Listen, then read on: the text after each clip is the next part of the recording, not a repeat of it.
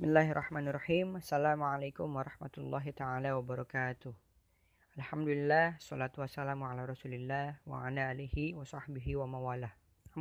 Di majelis kontemplatif kita biasa duduk berkumpul saling sharing satu sama lain ya sesama teman duduk sama sesama teman ngopi karena buat kami masih lebih baik ngobrol hal-hal yang sifatnya ilmu yang bermanfaat daripada cuma ngobrolin hal-hal yang sia-sia ngobrolin game ngobrolin perempuan gitu. Itu buat kami itu tidak ada gunanya. Makanya setiap kali pertemuan setiap kali kopdar itu selalu diisi dengan berbagi ilmu ya. Apa yang mereka dapat itu apa yang teman-teman kami dapat di majelis-majelis ilmu yang sebelumnya didatangi dibagikan lagi kepada teman-teman di majelis kontemplatif supaya teman-teman yang lain juga mendapat faedahnya. Ya dengan harapan itu bisa meningkatkan dan mempertebal iman kita kepada Allah Subhanahu wa taala. Dan yang satu ini adalah dari teman kami Bayhaki Albani. Mangga silahkan buat para teman-teman pendengar yang dimulakan Allah Subhanahu wa taala bisa didengarkan ya. Ini dia persembahan dari Majelis Kontemplatif dari teman kami Bayhaki Albani. Pertama-tama panjatkan puji marilah kita panjatkan puji syukur hadirat Allah Subhanahu wa taala yang telah memberi kita nikmat Islam, nikmat iman dan waktu sehingga kita bisa berkumpul dalam menjalankan kewajiban tolabul ilmi faridatun ala kulli muslimin wa muslimat. Dan salawat serta salam semoga senantiasa tercurahkan kepada Habibana wa Nabiana Muhammad sallallahu alaihi wasallam kepada para sahabatnya, para tabiat dan tabiitnya dan kepada kita umatnya ya, yang semoga mendapatkan syafaat di akhir di hari kiamat nanti. Amin.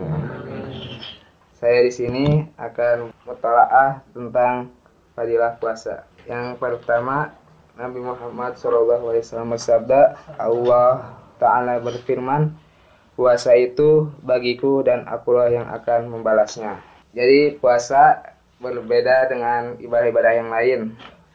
Puasa itu nilainya langsung oleh Allah Subhanahu wa taala karena puasa itu berbeda dengan amalan-amalan yang lain karena kalau seperti sholat kelihatan sholatnya kalau zakat kelihatan zakatnya kalau naik haji kelihatan naik hajinya kalau puasa tidak tidak kelihatan oleh orang lain jadi langsung dinilai oleh Allah Subhanahu Wa Taala. Yang kedua Nabi Muhammad Shallallahu Alaihi Wasallam bersabda orang puasa Orang yang berpuasa mempunyai dua kebahagiaan yang akan membahagiakannya, yaitu kebahagiaan ketika berbuka dan kebahagiaan ketika berjumpa dengan rohnya. Jadi orang yang berpuasa mempunyai dua, keba dua kebahagiaan, yaitu kebahagiaan dunia dan kebahagiaan akhirat. Yang pertama, kebahagiaan dunia yaitu ketika kita telah berbuka puasa. Jadi setelah menahan dahaga menahan haus dan lapar dan juga menahan hawa nafsunya ketika berbuka puasa kita bisa melepas dari itu semua dan dan kebahagiaan yang kedua yaitu kebahagiaan akhirat yaitu ketika berjumpa dengan rohnya jadi kebahagiaan akhirat itu adalah pahala yang besar untuk orang-orang yang berpuasa yang ketiga Nabi Muhammad SAW bersabda Sungguh bau maulutnya orang yang berpuasa lebih harum daripada harumnya minyak kasturi. Jadi walaupun bau orang yang puasa. Bau. Bau bau di mata manusia tetapi di di hadapan Allah bau mulut orang berpuasa yaitu bau mulut orang yang menahan hawa nafsunya yang tidak membicarakan orang lain.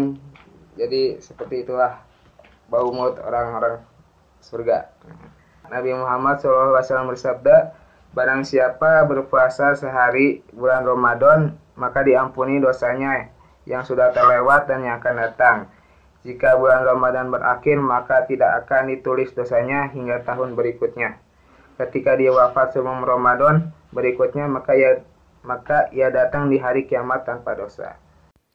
Nakhtatim bilhamdalillah. Alhamdulillahirabbil alamin. Wal istighfar astaghfirullahalazim wa du'a kifaratul majlis. Subhanaka Allahumma wa bihamdika asyhadu an la ilaha illa anta astaghfiruka wa atubu ilaik. Assalamualaikum warahmatullahi wabarakatuh.